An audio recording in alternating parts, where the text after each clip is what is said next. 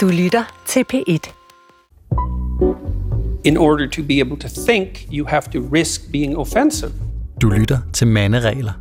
En radiolæseklub om verdens måske mest populære selvhjælpsbog for mænd. 12 regler for livet af Jordan B. Peterson. the most influential public intellectual in the Western world right now. En bog, der både har mødt vild begejstring, men også voldsom kritik. I think he's dangerous. Din vært er forfatter og journalist Anders Hård Rasmussen, der længe har været optaget af mandens rolle i dag. Han har inviteret Emma Holten, der er feministisk aktivist, til at være medvært. Med hjælp fra skiftende gæstelæsere skal de to nærstudere bogen og dens tanker og finde ud af, hvad de kan lære af bogen. Damn you, Jordan, du fik mig til at gøre noget. Velkommen til fjerde program af Radiobogklubben om Jordan B. Petersens 12 regler for livet. Mit navn er Anders Hård, og med mig har jeg selvfølgelig, som altid, Emma Holten. Vi har læst kapitel 8, 9 og 10. Og hvordan var det, Emma? Var det fedt? Ja, altså jeg, øh, jeg havde mere, jeg kunne tage fat i, som jeg kunne bruge personligt i de her, end jeg har haft i de tidligere. Er vi over i øh, det her med at øh, snakke, lytte? Er det lytte, der var det gode? Ja, det er fordi, han har meget det her med, med sådan den sokratiske samtale og sådan noget, og jeg, ja. jeg har spekuleret meget på, på øh, politisk debat, fordi jeg har haft en meget tvivlsom øh, fornøjelse at være i den offentlige danske debat i nogle, øh, i nogle år. Og, øh, og jeg tror også, at det, jeg vil bruge som mit, mit dagens eksempel på noget, som, som, jeg ikke, som jeg synes er brugbart herfra, at han siger, at den slags samtaler, som minder om lytning, er en slags gensidig undersøgelse. Den kræver ægte gensidighed hos dem, der lytter og dem, der taler. Det giver alle deltagere mulighed for at udtrykke og organisere deres tanker. Og så siger han lidt senere, alle deltagerne forsøger at løse et problem, i stedet for at insistere på, at deres eget standpunkt som udgangspunkt er det rigtige. Jamen lad, os da, lad det være sådan øh, mantraet for det her program, Det synes jeg, at lad, os lad det være mandsret for, for, for alt muligt. for vores liv. Altså, for jeg, jeg tror bare sådan, at, at jeg har tænkt rigtig meget over, hvorfor jeg synes, det var så ufrugtbart at være i den offentlige debat, og det er fordi, det ikke er sådan. Det er fordi, at alle har ligesom, inklusive mig selv, for når hele præmissen er sådan, så bliver det enormt ydmygende at sige, at man tager fejl, når ingen andre gør det. Og så er der ingen, der gør det overhovedet. Og så sidder, løser man ikke et problem, så, øh, så måler man bare pik med en eller anden i fjernsynet. Og jeg har jo ikke engang en pik, så det var en udfordring i første omgang. øhm, hvad med dig? Var der noget, du tog med dig? Jamen, det er jo svært, fordi jeg faktisk øh, jeg havde understreget, jeg har simpelthen fuldstændig understreget krydset den side over, og sendt et billede af den til min kæreste, fordi jeg havde det som sådan ideal for, hvordan vi skulle snakke om vores problemer. Sådan gens, gensidig, øh, ja, gensidig lytning. Så vi, øh, vi er virkelig, det er virkelig ramt noget hos os begge to. Det, vi skal snakke om i dag, er altså kapitel 8, 9 og 10. Vi skal snakke om at sige sandheden. Vi skal snakke om, at man skal gå ud fra, at øh, den man lytter til, måske ved noget, man ikke selv ved, og så skal vi snakke om at være præcis i sit sprog. Og til at hjælpe os, har vi Ole Bjerg. Velkommen, Ole. Tak for det. Du er lektor i filosofi og økonomi på CBS, og foran dig, der ligger en bog, som, altså, jeg ved ikke, hvis I forestiller, at I går ind på sådan en gammelt antikvariat i Paris, og så ned, ned sådan, ned på de bagerste hylder, hvor der ligger sådan en, en sådan smusset støvet... Er den sådan- magisk? Ja, ja, den, den er sådan virkelig en jeg har virkelig der er flot chokoladefinger på forsiden. Jeg tror, det er det, Anders han prøver at gejle op her. Ej, jeg Og synes, så er den lidt flosset. Den jeg, jeg synes, det er en virkelig flot udgave af den her 12 regler, som du har. Og så er den også illustreret. Det er min Ja, men det er er lidt misundelig. Den er læst og elsket, den bog. Ja, og det er den fordi, blandt andet fordi, at du har holdt en række foredrag om Jordan Peterson på CBS. Det er korrekt.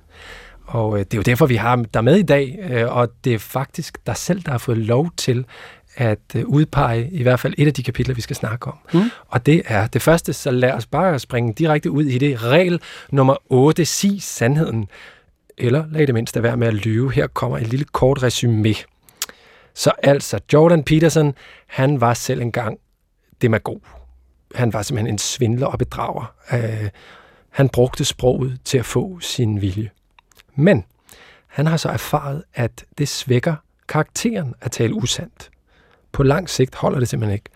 Også fordi man ikke lærer sig selv at kende. Hvis man ikke er ægte over for omverdenen, hvis man skjuler sig, så skjuler man sig også for sig selv. Man bliver fjern fra sig selv, og det fordærver sjælen. Pointen er, at det gør dig snæversynet og lille. Og du skal åbne dig for verden, og du skal åbne dig for alt det, du ikke ved. Ydmygt, ærligt og lyttende.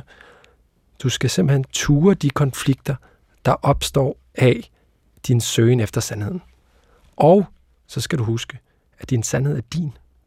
Den er på nogen måder personlig unik, og du kan mærke i din krop, når du fjerner dig fra den sandhed. Og i forhold til at mærke det på sin krop, så kan jeg måske lige læse et lille citat op her. Hvis du lægger omhyggeligt mærke til, hvad du gør og siger, kan du lære at fornemme en indre spaltning og svaghed, når du opfører dig ringe eller siger noget forkert. Det er en fysisk fornemmelse, ikke en tanke. Jeg oplever selv en indre følelse af at synke ned og gå i stykker, i stedet for at være stærk og solid, når jeg er, når jeg er ubesindig i handling eller ord. Det er som om følelsen er centreret i min solar plexus.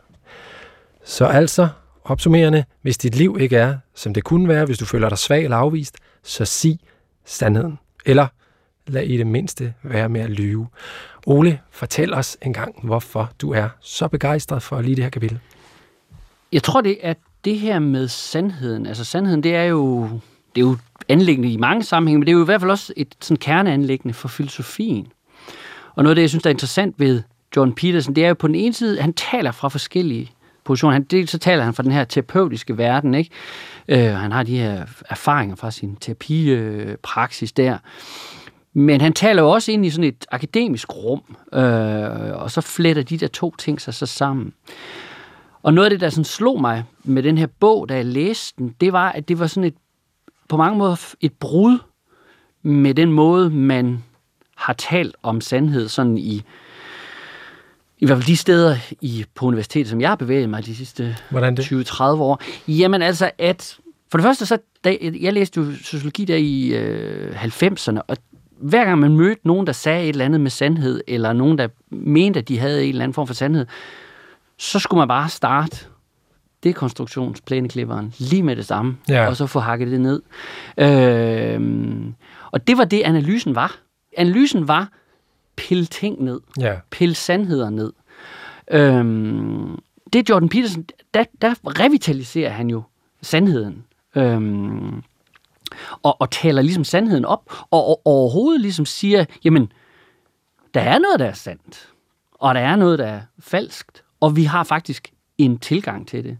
Og det er også den anden ting, det her med, han siger, nogle gange, når vi snakker om sandhed, så siger vi sand, falsk, så er det det, der ligesom er modstillingen her. Men den modstilling, som han etablerer her, det er jo mellem sandhed og løgnen. Hmm. Og det er jo faktisk lidt anderledes. Øhm, fordi når vi, det, det hænger også sammen med det, som du læste op, Anders, lige før, der, at det, vi kan godt, det der med, når vi lyver. Ja, vi kan mærke det. Det kan vi godt mærke. Når vi siger noget, der er falskt, altså hvis jeg siger 2 plus 2 er 5, for eksempel, eller eller hvis nu der var nogen, der havde stjålet min cykel, som står herude på vejen, og jeg så siger, at min cykel holder lige dernede. Det gør den jo ikke, for der er nogen, der har stjålet den. Men det vil jeg ikke, altså, det vil være falsk, men det vil jo ikke være en løgn på den måde. Men løgnen, den er, den, den, der er vi ligesom i kontakt med hele vores eksistens, når vi siger det. Øhm, og dermed siger han jo også, jamen når vi har, når, når kroppen eller ens eksistens kan hjælpe en med at identificere, når vi lyver, så kan den måske også hjælpe os med at identificere, når vi siger noget, der er sandt. Og det er, også, det, det er også derfor, at det der med overhovedet bare at sige sandheden, kan have sådan en, på nogle måder, sådan transformativ øh, virkning på ens selv. Hvad, hvad har du oplevet for Altså, hvad kunne være et eksempel fra dit liv på at sige sandheden og mærke, at det på en eller anden måde kan skabe en eller anden forvandling eller ændring? Eller jeg tror ikke, jeg kan komme med et eller andet sådan helt saftigt eksempel, men jeg kan sådan i mere generelle vendinger, så kan jeg sige, det kan for eksempel være, man står over for en anden person, ja. som så siger noget, som du simpelthen ikke er enig i. Og så, står, og så kan vi godt have en tendens til, at ja, så lader man det ligesom glide. glide eller et eller andet. Hvis man så ligesom siger, ved du hvad, det der, det er jeg simpelthen ikke enig i. Altså, og det kan man jo nærmest mærke, det der nogle gange, når vi mander os op og siger sandheden. Altså, det er sådan helt kropsligt. Øh, Jeg, kan, jeg kan virkelig genkende det fra sådan, øh, de tidlige stadier af det parforhold, jeg er i nu, hvor jeg sådan vågede at sige at jeg ikke var 100% sikker på, om jeg ville have børn eller stifte familie på sådan en konventionel måde. Øh, og at øh, min kæreste skulle vide, at hvis hun havde nogle drømme, så skulle hun formulere dem. Hun kunne ikke bare antage, at øh, vi datede i så og så lang tid, så flyttede vi sammen og boede sammen i så og så lang tid, og så formerede vi os. Og, sådan, og det føltes som øh, lidt farligt at sige, fordi jeg tænkte, måske siger hun, så skal vi ikke være kærester. Øh, men det føltes også enormt sådan øh, ægte. Altså det var virkelig, det var sådan, det var helt sandt, det jeg sagde, og, og jeg følte mig sådan styrket af det, og apropos det, du siger med, at den ligesom ranke ryggen, jeg kunne mærke, at jeg, jeg følte mig mere sådan øh, solid faktisk af det. Og det tvinger jo også en til, det kommer, det kommer også lidt i, i øh, næste kapitel, det der med at være be precise in your speech, men det der med at sige sandheden, også om hvad man selv vil, det er også, når man taler, så taler man til andre, men man taler jo også til sig selv. Så overhovedet det der at høre en selv sige et eller andet, det forpligter os på en eller anden måde. Og der kan vi jo godt nogle gange måske leve vores liv på en måde, hvor vi ikke sådan... Vi prøver ikke ligesom at finde ud af, okay, hvad er det jeg egentlig, hvad er det egentlig, jeg gerne vil? Hvad er det faktisk, jeg gerne vil?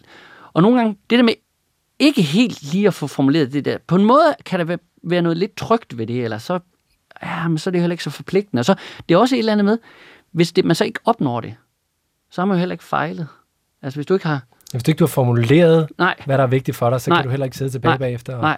Jeg tror helt klart, jeg, jeg kunne genkende øh, meget af det, som, altså, som handlede om at, at, at lyve, eller ja, ja, og ikke tale sandt i hvert fald, for at, at skabe komfort for andre mennesker. Altså sådan det der med, at folk siger noget, som jeg er uenig i til et middagsselskab eller sådan noget, og så siger jeg ikke, det, det synes jeg skulle er forkert. Mm. Altså simpelthen fordi, at faktisk i, i feminismen opererer vi med det begreb, der hedder en killjoy, som er den person, der ødelægger den gode stemning, og som, og som har, faktisk handler meget om det, som Peterson også snakker om, det der med frygten. Øhm, at vi har en enorm frygt for at være, være den person, som, som siger noget, og, og, og tager på sig og sige, men det er nu jeg er modig nok til at, til at tage den her konfrontation.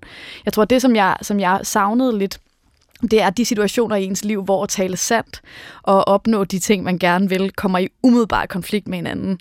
Og det er jo for eksempel i forbindelse med det her med at, at lyve over for folk, som har mere magt end en selv. For eksempel en chef, der spørger, synes du, min, øh, min PowerPoint-præsentation var enormt god? Nej, vel? Hmm. Men at man ligesom, at man på nogle tidspunkter i sit liv er nødt til simpelthen for at overleve i en hierarkisk struktur, at, at der er der situationer, hvor at, at man også lyver for sin overlevelses skyld, hvor det ikke handler om, om menneskelig svaghed. Altså, for det første giver han jo den der kattelem. Tell the truth, or at least don't lie. Mm. Ja, præcis. Godt, men, men du skal i hvert fald ikke sige til din chef, ej, det var en flot PowerPoint-præsentation. Det, den går i hvert fald ikke. Og så er det så det der, når, hvornår skal du så tell the truth, og hvornår skal du bare øh, at least don't lie? Og der tror jeg svaret er, det ved vi jo godt. Altså, det, ved, det kan man godt mærke, når man har, ligesom har givet et eller andet af sig selv. Og det der med ikke at sige sandheden, øh, eller øh, måske oven i lyve, det er bare ikke gratis. Det koster simpelthen. Altså, det koster ligesom på ens selvrespekt og alt det der. Øh, så det er den ene ting. Og den anden ting er jo også, at man kan jo også opleve, at man det der med at konfrontere andre mennesker, altså der kan du godt gøre det med en tjeneste, egentlig. Og der er det vigtigt, at man gør det på, altså man skal også gøre det på, den, på en ordentlig måde, ikke? At man skal jo ikke skamme dem ud, eller et eller andet i den stil.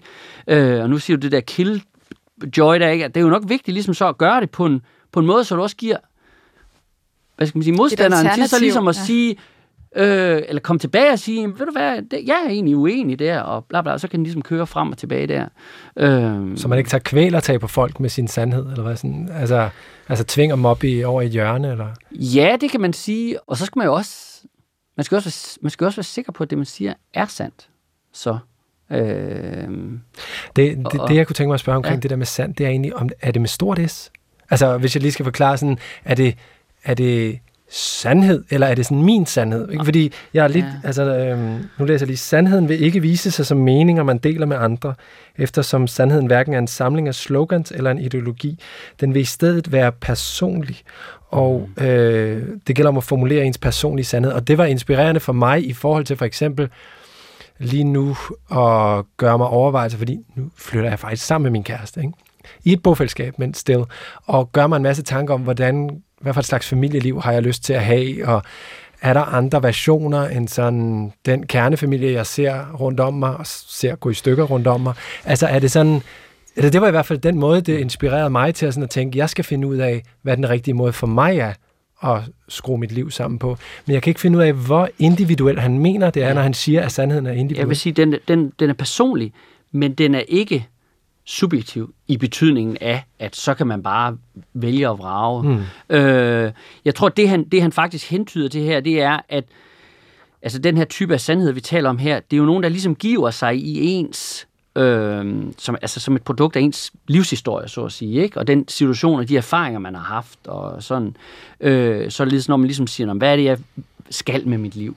Jeg tror faktisk i virkeligheden, måske i stedet for det, at man siger, hvad vil jeg med mit liv? Så måske mere præcist at sige, hvad skal jeg med mit liv? Øhm, hvad er det, jeg skal med mit liv? Og det, bliver, den, det er selvfølgelig en personlig sandhed. Vi skal ikke det samme med vores liv. Når det er så sagt, så er der sådan en tendens til, i nogle af de der teorier, som jeg er opflasket med der på universitetet og sådan noget, der er ikke, at, de, at, at det bliver sådan, vores egen lyst og vores egen, sådan, det bliver ligesom bare den eneste målstok for mm. alt muligt. Så alt kan være ligegyldigt, og der er ikke rigtig noget forpligtende. Og den vej, det tror jeg ikke, John Peterson vil mene. Sandheden er ligesom forpligtende, så på den måde, det er, det er personligt, men det er også alment samtidigt. Og så er der også det der med, hvordan når man så frem til den her sandhed. Og der er noget af det, det, det, det handler om det her med at have mod og kigge på sig selv og lytte til andre og sådan noget der. Ikke? Men han har jo også, det fylder ikke så meget i, i den her bog, øh, 12 Rules for Life, men det, men det fylder meget i hans den Maps of Meaning, hvor han siger, kulturen og de historier, som, der, som, som definerer vores kultur, som er i vores kultur, som har været i vores kultur længe, for eksempel Bibelen er sådan et paradeeksempel, eksempel Grunden til, at de har været der så længe, det er, fordi de har nogle sandheder at fortælle os om, hvad det vil sige at være menneske. Altså, at kulturen kan faktisk godt bibringe os sandheder. Øh, og måske, og, tror du ikke det, at det er en del af hans popularitet, at han ligesom revitaliserer de der store fortællinger? Det er det, postmodernism har ligesom lært os at være skeptiske og mistroiske over for det. Og i den proces har det postmoderne, har den også aflært os og netop at lære af historien. Og der tror jeg, noget af hans popularitet, det er, at vi kan godt lære noget. Det er faktisk en perfekt overgang til kapitel 9. Ja. Du lytter til Manderegler med Emma Holten og Anders Hård, hvor vi gennemgår Jordan B. Petersons 12 regler for livet. Og det vi lige snakkede om her, det var nemlig det her med at lytte til de gamle fortællinger, selvom de måske ikke passer sådan en til en ind længere. regel nummer 9, det er at gå ud fra, at den du lytter til måske ved noget, du ikke ved. Og hvis jeg lige kort skal resumere den, så går det ud på, at de fleste mennesker faktisk ikke kan finde ud af at lytte. Det er for farligt, siger Petersen. Vi sidder og evaluerer det, den anden siger, som et slags panser, fordi vi er bange for at lade det, den anden siger, ramme os. Det kræver mod at lytte, fordi ægte lytning faktisk kan forvandle et menneske og risikoen for at blive forvandlet er sygt skræmmende for de fleste mennesker. Så hvordan lytter vi typisk ifølge Petersen? En måde det er at se samtalen som en konkurrence, hvor man helst skal overgå hinanden i at sige noget spændende eller klogt. Der lyttes ikke rigtigt, der kæmpes om positioner.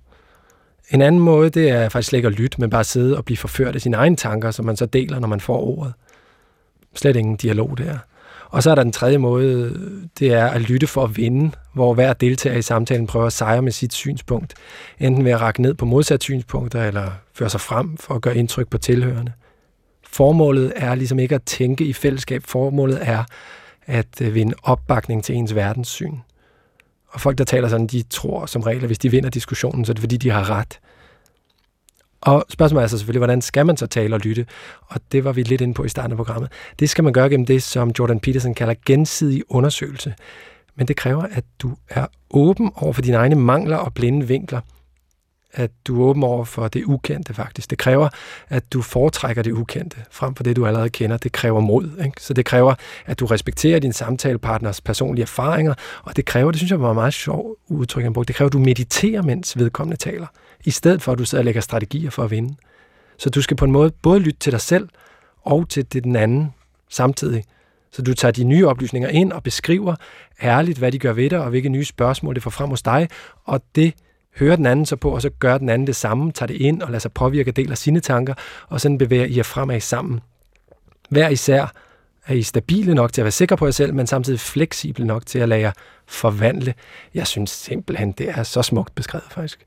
Og jeg sad og tænkte på, at jeg ikke kender en eneste kønsdebat, for eksempel, som kan leve op til det der. Altså, øh, der, den virker som om, det, det er virkelig sådan et emne, som især er præget af, at folk sidder bare og forbereder sig med deres egne argumenter, øh, og negligerer samtalepartnerens personlige erfaringer eller udlægninger, for ligesom at gennemtrumfe sit eget synspunkt. Jeg ved ikke, om det også er sådan, du oplever den. Ja, altså, jo, jo, jo, 100 procent. Altså, jeg, jeg har tænkt meget over, øh, jeg har siddet og skrevet bog det sidste lange stykke tid, øh, og den bog er bestemt ikke skrevet for at starte noget i den offentlige debat. Jeg synes, den offentlige debat er røvsyg. Den bog er helt klart skrevet for, at folk skal sidde og snakke om med deres venner på en bodega og sådan noget, for jeg føler, at det er i den gensidighed, øh, den meningsfulde samtale. Mm. Altså, hvis ikke du stoler på et andet menneskes gode intention, så kan du ikke have en politisk samtale med dem. Hvis, hvis alle tror, at den anden kommer med sådan øh, en pose fuld af sådan møl og skrald øh, og intet godt, så kan man simpelthen ikke have en samtale. Det er fuldstændig meningsløst. Så det, det er jeg egentlig ret enig i. Og så tror jeg særligt, at, at det er relevant for kønsdebatten, fordi at apropos det, vi snakker om før med sandhed med stort eller lille s, øh, at det er jo enormt intim, fordi det er også en magtkamp om sandheden, ikke? når vi snakker om køn. Altså, hvis, hvis ikke du føler, at der finder, at sexisme er et problem i samfundet, øhm, og, og jeg så føler det, så er det jo en magtkamp om, hvem der har ret til, hvem der har den sande opfattelse. Og hvis jeg så vinder den diskussion, nu siger vi vinder, vi ved alle sammen, at det er vildt banalt, men hvis du pludselig får en følelse af, sådan, gud, den her person siger faktisk noget, som, som, som måske virker rigtigt nok, så er det ikke bare en samtale om, om, om i det emne, men det er også en samtale om, at du skal konfrontere dig selv med, at den opfattelse, du har haft af virkeligheden, har været forkert. Og den oplevelse har jeg selv gennemgået i forbindelse med selv at blive feminist, fordi jeg var fandme ikke feminist, da jeg gik i gymnasiet. Jeg synes, det var så pissehamrende åndssvagt. Mm. Jeg var bare sådan, prøv at høre, jeg er en frigjort kvinde i det moderne Danmark. Der er fandme ikke nogen, der skal komme og sige til mig, at jeg er et offer for noget som helst. Jeg, jeg er sgu et stærkt menneske. Og pludselig havde jeg ligesom nogle, nogle, øh, nogle skældsættende oplevelser i mit liv, som, som konfronterede mig med nogle, men, øh, hvad skal man sige, en underbelly af, af vores samfund, og nogle holdninger, som jeg faktisk ikke troede eksisterede, som pludselig ramte mig selv med, med en ufattelig styrke. Ikke? Og det var fandme hårdt for mit ego. Det var meget hårdere, end alt det akademiske arbejde var opgøret med mig selv, hvor jeg skulle konfrontere mig med, hvor naiv jeg selv synes, jeg havde været, ikke? og stadig selv synes, jeg har været. Det har jeg da selvfølgelig fuldstændig ret i, at, at, at erkende sin fejl i den politiske samtale, det er først og fremmest at, at, at se sig selv i øjnene og, og afgive noget magt Altså, jeg tror, han er jo ikke så vild med, med magt som begreb, men, men det synes jeg er meget det, der sker i sådan en samtale, at når du siger, jeg har taget fejl, øh, eller jeg er ikke så rationel, som jeg selv tror. Jeg har også påvirket af følelser, jeg har også påvirket af min egen historie, af mine egne erfaringer, og det har gjort mig blind for det her, det her, det her så afgiver du noget magt, fordi du erkender den, den anden, det andet menneskes position. Mm. Og det handler køn enormt meget om, fordi det er så pisse personligt. Ikke? Det handler om den måde, vi knaller, og den måde, vi kærester, og den måde, vi arbejder, og den måde, vi klæder os. Det er alle de hårdeste ting. Ikke? Øhm, så, så jamen, der synes jeg helt klart, at han, han, han har fat i noget, og at mange samtaler er, er i stykker. Altså. Og egentlig kan jeg ikke lade være med at tænke, at det er sådan, at det er ikke særlig traditionelt maskulin faktisk, den udlægning af den gode samtale. Altså, fordi jeg tror nok, at øh, de sådan maskuline idealer for, hvordan man diskuterer, eller sådan, er jo at virkelig have styr på sit shit, og vide, hvor man vil hen, og være målret, og sådan, altså den der sådan fuldstændig, og næsten gå i symbiose med sin samtalepartner, og altså det, det lyder sådan helt, øh, ja, sådan meditativt. Der, der må jeg simpelthen, det er uenig i det der. Ja, okay, ja, men, men det er også det, altså det der, ja, men det er også fordi, det, det er jo faktisk også et af, nu har vi ikke det kapitel med, med det her øh, kapitel 11, som handler om mænd og kvinder og sådan noget der. Mm. Og det han slår på trummen for, det er præcis netop den der med, kom lad os nu lige prøve at stoppe med det der med at tale mænd ned hele tiden og så videre. Mm. Kom lad os tale mænd op og tale kvinder op. Altså, mm. øh, så det var bare lige den der. Men, jeg bliver, men, men, jeg, jeg bliver nysgerrig. Hørte du det, jeg sagde som noget, der talte mænd ned? Ja, fordi det, sådan oplever jeg faktisk ikke. Jeg oplever masser af mænd, der er enormt lyttende, og øh, fordi det, det der med at lytte, det er også noget med ligesom at holde sig selv tilbage. Og det er mænd også hvis vi nu endelig skal lave det, altså, det er mænd skide gode til. Okay, men, er, men jeg synes, han taler på, på, på, meget med. Mænd er ekstremt gode. Altså, det er derfor, mænd er skide gode til at gå i krig. Det er, fordi de tager deres egne følelser. Dem ligger de derhjemme, og så tager de ellers til Irak.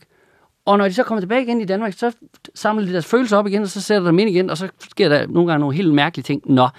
Og nogle gange, når man skal lytte til et andet menneske, så er det faktisk lige præcis det, man skal gøre. Man skal tage sin egen følelser, og lægge dem, pakke dem væk, og så sige, nu er det ikke min følelse, det handler om her. Nu er det det her andet menneskes følelser og udlægning i verden, osv. osv. Så det der med at skille de der to ting af, det er mænd knaldhammerne gode til. Så er der nogle ting, som også er super vigtige i en samtale, som kvinder er skide gode til. Og så er der nogen, der er gode til begge dele, og så er der nogen, der er hverken er gode til det ene eller det andet. Men det, som du sagde det der med, at det var ikke en speciel maskulin udlægning af det her, sådan, sådan ser jeg det ikke. Men Nej. det er sjovt, fordi jeg føler virkelig, at, at Jordan Peterson taler mænd meget ned. Og, og siger sådan noget med, at mænd biologisk er enormt konkurrence øh, betonet og sådan noget. Og det synes jeg også, man kan mærke på nogle af hans, den måde, han, nogle af hans fans på YouTube framer hans debatter, så står der sådan, Jordan Peterson absolutely destroys a feminist og sådan noget. Altså det er jo overhovedet ikke i den her ånd. Øhm, det vil han selv være sig ved Jamen det, det der. tror jeg nemlig det også. Det vil han være sig ved det der. Men jeg er ikke enig, når han siger, det er rigtigt, det der du siger med, at Øh, han taler om øh, det her med mænd og konkurrence, han det er competitive og sådan noget der, og det er jo fordi, de skal konkurrere om hunderne. Altså det er jo ligesom også det her hummer-eksempel, han starter med. Men det, det, siger, det er jo ikke noget negativt. Det er da tværtimod. Og netop tage en af de der dyder, eller noget af det, som mænd er gode til, og så i stedet for at gøre det til et problem, det hører man jo i alle mulige sammenhæng, at det der med at være konkurrence, så dominerer man, og bla bla bla bla, i stedet for at sige, hold da op, du konkurrerer. Wow, skide godt. Godt gået. Det bidrager ja. til at, at skabe noget nyt, og vi ja. bliver skærpet, og så videre, Øh, nå, men det var bare det der med, hvis vi endelig ligesom skulle ind i de der forskellige øh, øh, nuancer af det der. Men jeg føler sådan, at ja, at der er helt klart en noget i den måde, kvinder bliver socialiseret på, som, som handler enormt meget om at være mega socialt opmærksom. Øh, jeg ved ikke, om øh, nogen af jer har oplevet at være en 16-årig pige i en venindegruppe, men der foregår nogle meget, meget komplekse øh, sociale ting meget, meget tidligt i ens liv. Man skal faktisk bare være 12, 11, 10. Altså teenagepiger er sindssygt, kan være sindssygt ondskabsfulde. Mm. Øhm, på en meget sådan, kompleks social måde, som mm. kræver en enorm opmærksomhed. For ikke at tale om øh, den opmærksomhed, der er øh, omkring kvinders kroppe meget tidligt i deres liv, som er noget, som jeg har spekuleret meget over.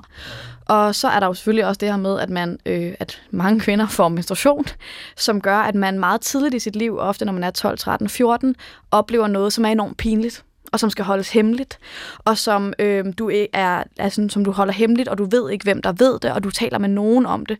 Og jeg kan bare, eller sådan, jeg kan huske det her med at stå på Roskilde og se en mand i et borat kostume og tænke, Gud, at være så afslappet omkring sin krop, som i andres blik, og slet ikke tænke, at, at det er farligt at se sådan der ud.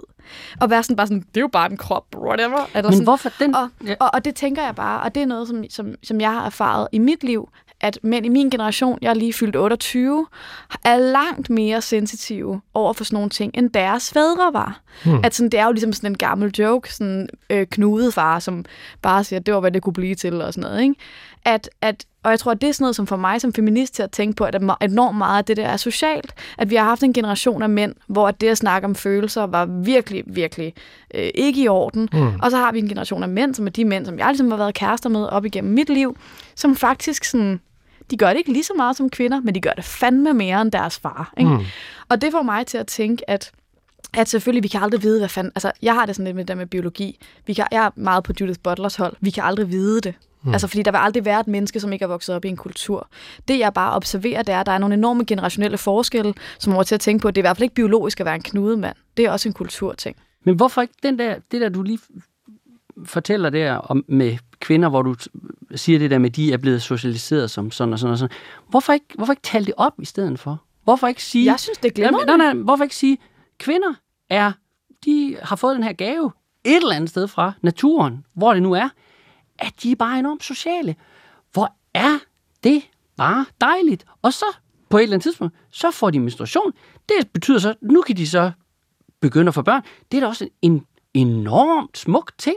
Det, ikke det når man, man er 12 år ligesom... til gymnastik. Ja, hvad for noget siger du? Ikke når man er 12 år og går, til, går i svømmeren Nej, med de andre i klassen. men det, så er det fordi vi ikke ligesom, det ved jeg, altså ja, det bør man da lære dem at være glade og stolte over, i stedet for ligesom at, at hele tiden problematisere det. Altså det, det tror jeg også... Jeg får altså, en stor det, indsigt nu. Det vil være, det, det er Jordan Petersons, det er ligesom Jordan Petersons budskab, det er det, kom lad os, altså ja, selvfølgelig er der problemer og så videre, men i stedet for ligesom at starte med at tage udgangspunkt i, det hele er nok alt, der er en masse problemer, sådan, så lad os øh, glædes over. Ja, det, det er også noget af det, jeg har øh, fik ud af bogen, det er virkelig sådan en dybfølt humanisme. Altså det her det er faktisk et menneske, eller det er en forfatter, eller en tænker, som faktisk rigtig godt kan lide mennesker i alle dets afskygninger, øh, og, og også det her med de her, øh, det her med forskelle mellem mænd og kvinder, i stedet for at se det som, det er magt, og uh, det er problematisk, og så videre, og så videre, og det er skam, jeg ved ikke hvad, så ligesom sige, øh, wow, hvor fantastisk. At det er også noget, jeg rigtig godt kan lide ved det, man, man bliver, altså man, det, er jo, det er jo opmuntrende. Jeg kan ikke lade være med at tænke, at, øh, at det handler om, hvad man har brug for ligesom at lægge vægt på. Altså mere end, hvad der er sandt egentlig. Altså at, øh, hvis vi lige tager for eksempel mænd og deres måde at snakke på, ikke, så kunne man opkvalificere evnen til at, hvad ved jeg, tænke rationelt og skille følelser ad, og altså, gøre det til en ja. god ting. Ikke? Yes. Ja.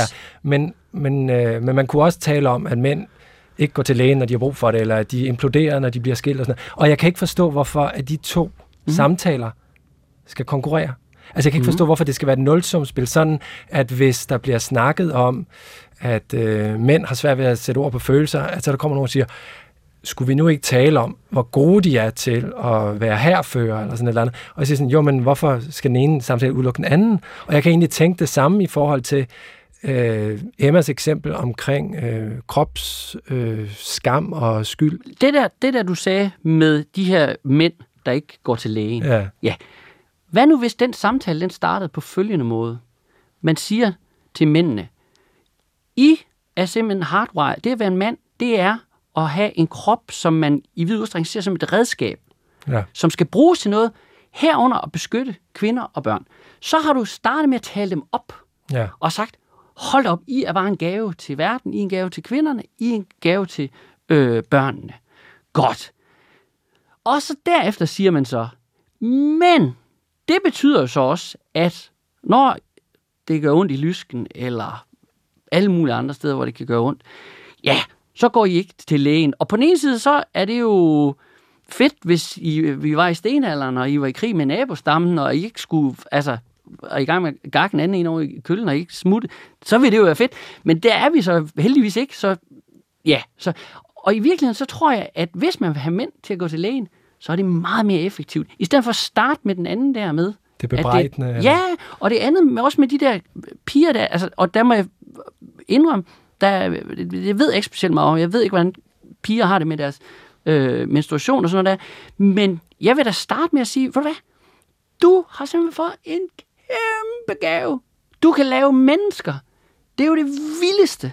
Det er jo simpelthen det, altså, hvis jeg kunne det, så kan, jeg ved jeg ikke. Men u, lige, lige nu, tænker jeg bare, så kan jeg da ikke lave andet. Så skal det bare, altså, det er jo helt vildt. Nå, så hvorfor ikke starte der?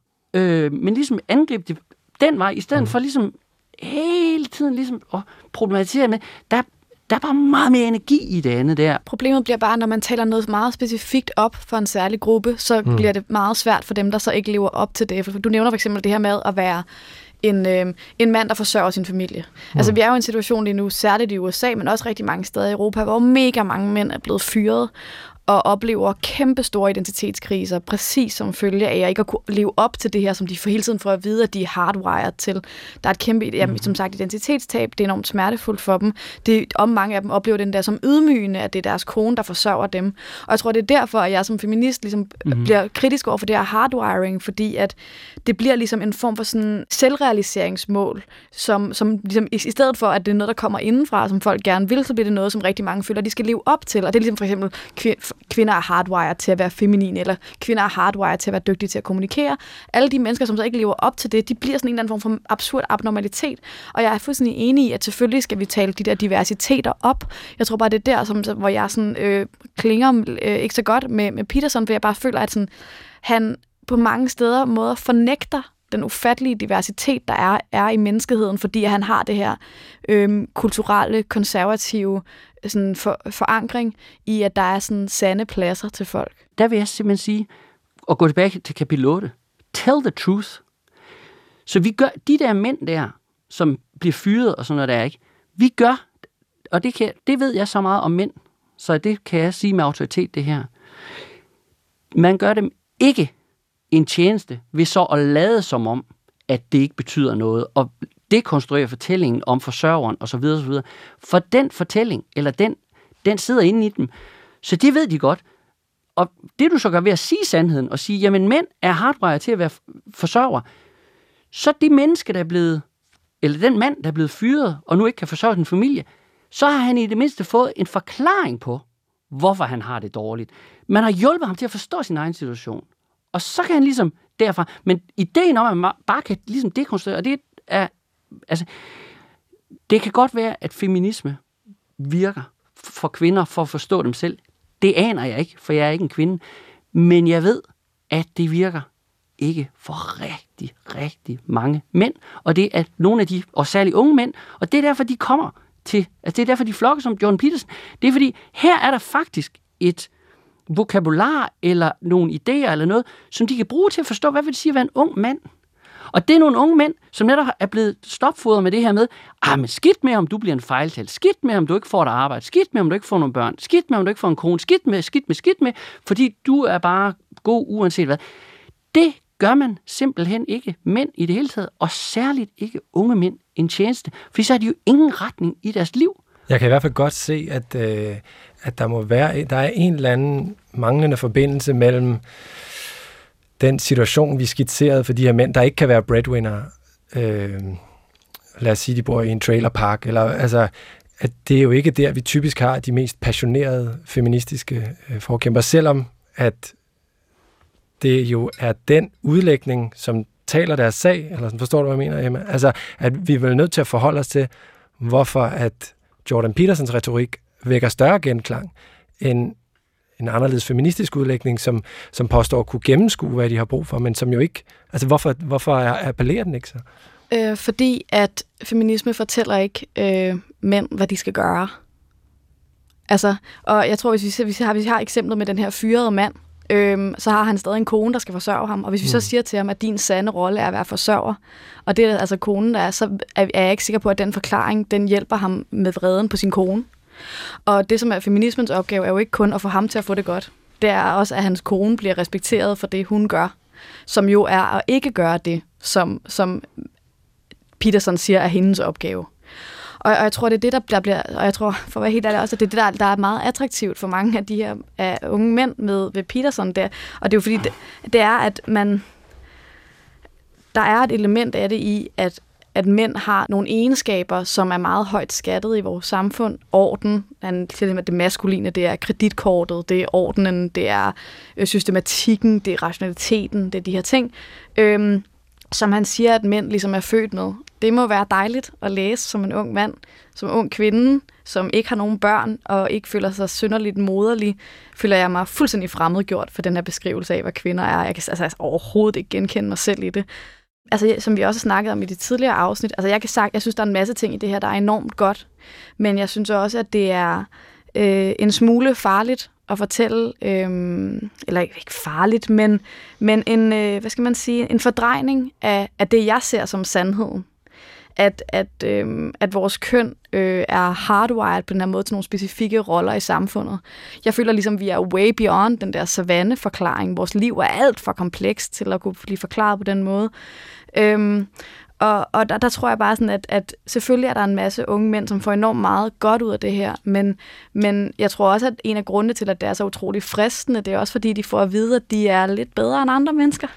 Det vil jeg godt. Og der, nu skal vi passe på, hvad vi be precise in your speech. Okay, er det ikke den næste jo. der? Ja. Og her skal vi være precise in our ja. speech, fordi vi taler på vej, eller vi skal i hvert fald være precise i forhold til, hvornår taler vi på vegne af Jordan Peterson.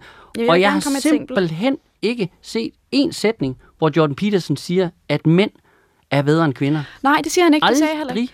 Det har jeg overhovedet ikke set, og det er jeg helt sikker på, at det vil ligge ham så fjernt. Han siger, at mænd og han tilskriver mænd og kvinder nogle forskellige egenskaber, hvor jeg oplever, at de egenskaber, han tilskriver mænd, er helt klart nogle egenskaber, som er højere skattet i vores samfund. Og så kan det godt være, at Jordan Peterson mener, at det, og det tror jeg, han gør, for han er jo en konservativ tænker på sin vis, som du også sagde, Ole, at det her med at være mor, at være i hjemmet og, og drage omsorg for, for børn, og være sådan den her kommunikative, lidt bløde, han kalder det empatisk, og nogle gange kalder han det også sådan lidt naiv, empatiske, bløde person, det, det tror jeg ikke nødvendigvis, at han i sin sjæl føler er dårligere. Problemet er bare, Det er der vildt mange, der gør.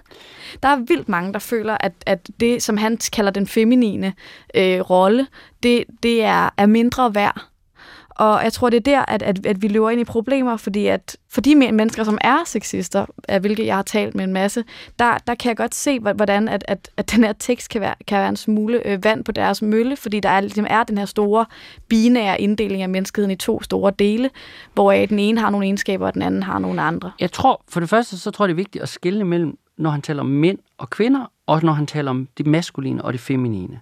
Fordi der, det skiller han faktisk mellem. Og for eksempel det her, når han taler om orden og kaos, det knytter han jo netop til det maskuline og det feminine. Og det, der jo netop er med det maskuline og det feminine, det er, at vi, hvad skal man sige, har, altså alle har begge dele i sig. Og så er det rigtigt nok, at mænd har en tendens til at have mere af det maskuline, og kvinder har en tendens til at have mere af det feminine. Men, men, men den der, det der med at balancere det her orden og kaos, det er noget, vi jo alle sammen ligesom skal tumle med. Og så vil jeg give dig ret i, at det er rigtigt, når man lige læser det, når man bare hører orden og kaos. Hvad er bedst? Ja, okay. Og øh, altså, det, det vil jeg godt give dig, det, det kunne man godt tænke, ah, okay, det er vel orden, der, der er det fede. Altså, men han kvalificerer det jo også. Altså, fordi han siger jo, jamen, jamen kaosen, det er jo også det, er jo også det livgivende. Muligheden kaos, forandringen. Kaos er jo at føde et barn. Det er jo kaos i den helt rene form, samtidig med, at det også er noget af det allersmukkeste, der overhovedet findes. Så på den måde ser jeg også en kæmpe, altså, når det kommer til det der forskel mellem mænd og kvinder, det tror jeg, han vil sige, det er i vid udstrækning et empirisk spørgsmål. Du lytter til Manderegler med Anders Hård og Emma Holten, hvor vi læser Jordan B. Petersons 12 regler for livet. Vi er nået til regel nummer 10. Vær præcis i det, du siger. Og hvis jeg skal forklare det her kapitel, så vil jeg starte med at sige, eller bede dig om at forestille dig, at du har smerter. Du har mange smerter, og du ved ikke, hvad du fejler. Det kunne være alt muligt forfærdeligt. Så for at lægen kan finde ud af, hvad det er, så er du nødt til at være præcis i din beskrivelse. Og det kan føles farligt, fordi så finder man måske ud af, at det er en meget bestemt livstruende sygdom, man har. Men det er nødvendigt at være præcis. For indtil man ved, hvilken frygtelig sygdom man har, så kan man jo ikke gøre noget ved den. Og det er bedre at kunne handle på én konkret trussel, end at ligge helt paralyseret i frygt for alle mulige forfærdeligheder, man kunne forestille sig. Og det samme, det gælder samtaler, eller diskussioner, eller uenigheder. Du er nødt til at definere emnet for en samtale, og være specifik og konkret, fordi ellers så kommer samtalen til at handle om alting. Og alting, det er for meget. Sådan en diskussion, det vil bare degenerere og komme til at handle om ja, både alt og intet. Hvis vi taler upræcist, så bliver tingene ved med at være uklare. Og den her uvidshedens tåge, som man taler om, den letter ikke. Så der kan ikke forhandles, og der kan ikke behandles, der kan, der kan faktisk ikke handles overhovedet. Og det kan faktisk være meget fristende i et parforhold for eksempel. Der er det tit nemmere ikke at bore sig ned i en konflikt. Der kan det være nemmere at ignorere den. Fordi hvis man først begynder at tale præcist om problemet, så erkender man for det første, at det findes, og man bliver nødt til at formulere, hvad man ønsker af den anden, og hvornår man ikke får det, og hvordan det gør ondt på en. Og det er ikke spor rart. Man er inde og sådan pille ved det allermest skrøbelige, både i ens selv og i ens parforhold eller venskab men det er nødvendigt, fordi ellers så vokser problemerne. De vokser sig store inde i skyggerne, og de skal frem i lyset, og det kommer de ved at tale om hyggeligt og præcist. Redde tingene ud, give det struktur, orden, sætte klare mål og navigere mod det i fællesskab. Så derfor regel nummer 10, vær præcis i det, du siger. Og jeg kan ikke lade være med at tænke om øh, noget af det, jeg ved ikke, om man kan sige, at det lige frem øh, stak af her, men noget af det, der gjorde den snak, vi havde lige før, svær, det var måske, at det var et meget stort emne, vi snakkede om. Og at det var, at det måske ikke helt blev klart, hvad er det egentlig for, et, for, en, for en specifik del af det, vi fokuserer på. Altså, øh, og jeg synes tit, det er det, der sker omkring øh, kønsdiskussioner. Øh, at det er, at det for det første øh, trykker det på alle ens knapper, og for det andet, så er det et gigantisk emne, og sådan, hvis man lige pludselig er ikke har noget at sige til det, den ene siger, så har man noget andet at sige til noget andet, og så kan det sådan, altså jeg ved ikke, om I kan genkende den der med, at det kan være enormt svært at, at få diagnostiseret øh, og få præciseret og holde det til en, foku, altså holde en fokuseret diskussion om det her emne. Jeg synes, det vi havde lige før, jeg synes, det var super fedt. Jeg synes, det var en rigtig, og dem har jeg faktisk, eller jeg synes, det var en rigtig god diskussion omkring køn, fordi vi er uenige, Emma. Det er vi. Men jeg oplevede der havde vi en udveksling, hvor det stod klart for Hvad? alle, der lytter også. Vi er uenige Hvad her. er I uenige om? Ja, om køn er, øh, jeg vil sige, det er ontologisk og også biologisk, men først og fremmest ontologisk, og Emma er nok mere på, at det er en social konstruktion. Men det var jo en samtale, der foregik. Der var ikke nogen, der blev sure på nogen, og der er ikke nogen, der respekt, ikke respekterer nogen, osv. osv. Det var for mig en, øh, ja, Altså, jeg synes faktisk, det er interessant at tænke over, hvordan får man energi ind i samtalen om køn. Øh, de fleste mænd, jeg kender, og alle de mænd, de kender, de interesserer sig virkelig meget for kønsdebat, og de hader uden undtagelse alle sammen kønsdebatten. Mm. Altså, der er en eller anden øh, dårlig energi i den. Ja, altså der, hvor jeg lidt er med den der kønsdebat, der, jeg tror, vi er et sted, hvor mænd skal tale om, hvad det vil sige at være mand med mænd, og Mm. kun med mænd. Så vi skal ligesom, fordi det har vi ikke trænet. Kvinder har, det har, det har kvinder været, og er rigtig, rigtig gode til. Altså, altså sådan en basisgruppe, ikke? Ja, det her kvinder har haft de der basisgrupper, Ja. ikke? Ja, og det, det, det ved du, vi har jo mødtes i det her manifesto, øh, som, som netop ligesom fostrer det her mænd, der er sammen med mænd, og hvor man taler om at prøve at undersøge, hvad vil det sige at være en mand. Mm. Øh, og det er der, vi er i historien i dag, ser jeg, at mænd, det skal vi simpelthen træne. Og, og, og når man skal træne ting, så, så, så går man ikke, altså hvis man skal træne til boksning, så går man ikke bare lige direkte op i øh, ringen, og så bare ind, og så boks. Det gør man ikke. Så starter man med at lave nogle armbøjninger, og så er det på boksebold og så videre. Og der er det mindre, altså, det er mindre risikofyldt for mænd at tale med mænd om det. Altså, fordi lige så snart der er en kvinde, så sker der et eller andet i det. Så er der en eller anden dynamik. Og så er det mit håb, at når vi mænd så er blevet bedre til det der, det er jo ikke sådan, at vi ikke må snakke med kvinder i mellemtiden. Selvfølgelig skal vi også det. Men når vi er blevet bedre til det der, så tror jeg, vi vil være bedre til ligesom at mødes det er for ganske, ganske nyligt, at det at være et kvindeligt subjekt, som taler og skriver fra den kvindelige position, simpelthen knap nok eksisterede. Altså, vi, sådan, vi snakker ligesom øh, 200 år. Øhm, så har der ligesom været undtagelser, sådan Hildegard von Bingen og Virginia Woolf, og som mennesker, man kalder genier. Men det, at sådan, den gængse kvinde begynder at åbne sin mund det, om, om, sit, om sine erfaringer, det kan godt være, at det føles som, det er all over the place lige nu, men det er ret nyt. Og jeg tror også, at vi som kvinder er i en, øh, i en nuanceringsproces, og en, øh, en manifesteringsproces af os som en del af det universelle menneskelige subjekt. Og jeg tror, det er det, der kan blive følelser enormt svært for os, fordi når vi taler med mennesker som jer, så føler vi, altså mænd, så føler vi, at I føler, at I bare taler som mennesker, og vi føler, at vi taler som kvinder. Og det er enormt svært, hvordan man skal komme ud af den ligesom hårdknude, og det er jo også noget, vi diskuterer enormt meget inden for feminismen. Hvordan kan vi ligesom synliggøre, at det form for subjekt, vi er, er en ny form for talende subjekt, men samtidig prøver at udslætte den forskel også, som jo også er en del af projektet. Så hver gang jeg ligesom siger, som kvinde, tænker jeg, som jeg indledte den her sætning med, så tænker jeg bare sådan, do, det er jo meningen, at jeg ikke skal tale som kvinde, men at jeg blot vil tale som menneske. Og det er ligesom sådan feminismens indbyggede paradoks. Ikke? Og jeg tror, det er det paradoks, som I løber hovedet imod, øh, når I taler med kvinder om køn. Ikke? Der vil jeg godt lige sige, min erfaring er, at når mænd taler med kvinder om køn, men også i mange så er vi meget bevidste om, at vi er mænd. Og noget af det, der gør det vanskeligt for mænd at træde ind i samtaler om køn, det er, at den kører på, altså igen, mænd, vi er hardwired til at tage hensyn til og tage hånd om kvinders følelser.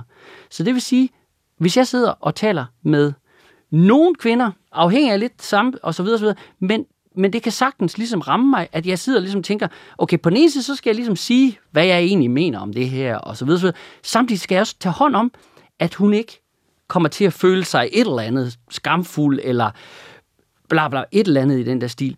Og det, at gøre de der to ting på samme tid, det er ekstremt vanskeligt, og for ikke næsten at sige umuligt. Og det er derfor, at de er så trætte af den der kønsdebat. Så, Ja, altså, men altså, tror I ikke, at kvinder altså, øh, støtter mænds ego? Hvorfor tror du, der er så mange af os, der faker orgasmer? Altså, det er sgu da præcis fordi, at vi er enormt optaget af at ikke sove mænds yes. følelser. Altså, det tænker vi hele tiden. Altså, mænds ego er en prioritet for mig. 80 Og er det procent af min smukt? dag. Vi har Jo. mænd, og vi har kvinder, og begge to Men at tror du ikke også- Plejer hinandens, altså tager hånd om hinandens følelser, sådan, det er da enormt ekstremt Men tror, du smukt. ikke, men tror I ikke også, at, at noget af det, der gør det her så svært for mange mænd, er fordi, at det er en ret ny ting for mænd at tænke på sig selv, som at have et køn, Jo, og og så- ikke bare være et menneske. Jo, og så er det også, synes jeg, at... Øh, Mænd har at tænkt det på sig selv som formulere- mænd altid, og de ved, mænd er så bevidste om, hvad det er for nogle pligter og dyder og alle mulige ting, der følger med det at være mand. Jo, men jeg tror Altså, ikke, det- at der er en tradition for, at mænd ligesom øh, sætter ord på deres erfaring som en kønnet erfaring i sådan nogle samtaler. De taler jo tit... Nej, de handler. De Ja, går i krig, ja, men fordi det- men det, jeg vil det sige om- gør en mand. Det, jeg vil sige om at, at tale... Nu startede, startede du før med at sige, som kvinde oplever jeg, og så videre. Ikke? Og det vil sige, oplevelsen af at, sige, at starte sætninger som mand oplever jeg, for det har jeg prøvet nogle gange i samtaler om køn med kvinder. For eksempel at sige, som mand oplever jeg, at det kan være enormt svært, hvis der kommer en øh, kvindelig kondiløber i begyndelsen af 20'erne med langt lyst hår og ikke særlig meget tøj på. Det kan føles virkelig som den vildeste kraftanstrengelse ikke at glo. Ikke? Og det her, det gør jeg i en samtale med veninder, som fortæller om, hvordan det opleves for dem at løbe. Så vi sidder her og udveksler erfaringer. Og når jeg så, når jeg så sådan prøver, i stedet for bare at sidde og nikke og sige, "Jamen, det er da også helt forfærdeligt, hvilket det er, det er, må være super nederen. Altså så prøver jeg okay, lad os se, om jeg kan bidrage med min kønnede erfaring af det møde mellem en løber og en fodgænger eller sådan, ikke? Og jeg siger dig, det var som at træde på en landmine, det der, ikke? Virkelig? For, ja, fordi det blev jo hørt som en retfærdiggørelse af mit blik. Nej, det er jo uretfærdigt. Men det, jeg oplever i sådan en situation, det er jo netop, at man bliver sådan, altså fuldstændig Altså, skammet. det er personligt ja. mod altså, dig. man bliver skammet ud af lokalet. Ikke? Det er simpelthen illegitimt, og at jeg overhovedet har det sådan. Ikke? Og, øh, og det, jeg synes egentlig, det er lidt sjovt, det her med, at, at det, at øh, det er min værste frygt, det er at blive udskammet i en samtale. Det blegner i forhold til, hvad en kvindes værste frygt kunne være. Det minder mig om sådan en oplevelse, jeg havde på et, til en debat, jeg var, hvor jeg blev spurgt, hvorfor tror du, der er få mænd her? Øh, til, i sådan en debat her. Ikke? Og så sagde jeg, jeg tror det er fordi, det er et utrygt rum at være i for mange mænd. Jeg tror, at det kan føles som et minefelt, eller de ved ikke, hvordan de skal opføre sig. Og så er der en anden ved panelet, der siger, jeg skulle hilse at sige, det er også ret utrygt at blive voldtaget. Og så tænker jeg sådan, ja, okay, altså, men hvordan, hvorfor, altså, kan det passe, at jeg ikke kan snakke om, hvad der gør det svært for mig som mand at være i en eller anden feministisk snak, uden at jeg skal have at vide, hvor 10 gange sværere det er at være som kvinde i verden. For at komme tilbage til Jordan Peterson, han værer sig også, at det siger han eksplicit. Vi skal slet ikke have den der forståelse af historien, eller den menneskelige civilisation, som sådan et produkt af, at mænd og kvinder, de bare har strides siden Adam og Eva. Nej, tværtimod, de har samarbejdet, og det er det, der er reglen. Og det andet, det er undtagelsen, og vi bør gøre, så det bliver endnu mere undtagelsen.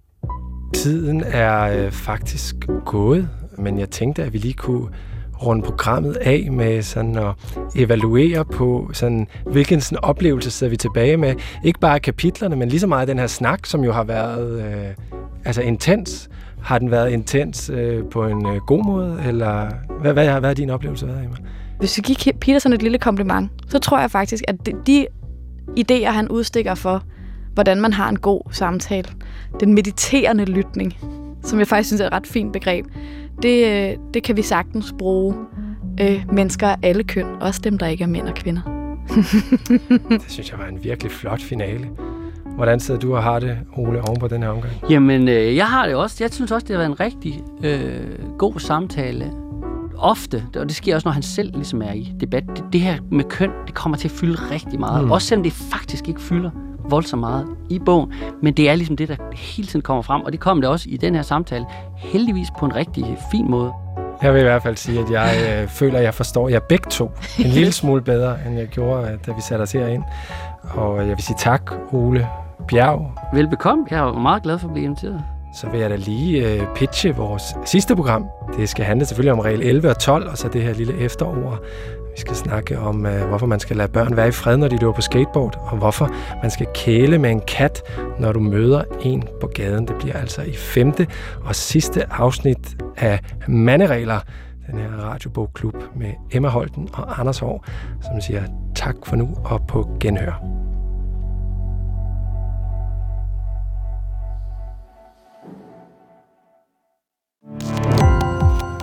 Gå på opdagelse i alle DR's podcast og radioprogrammer. I appen DR Lyd.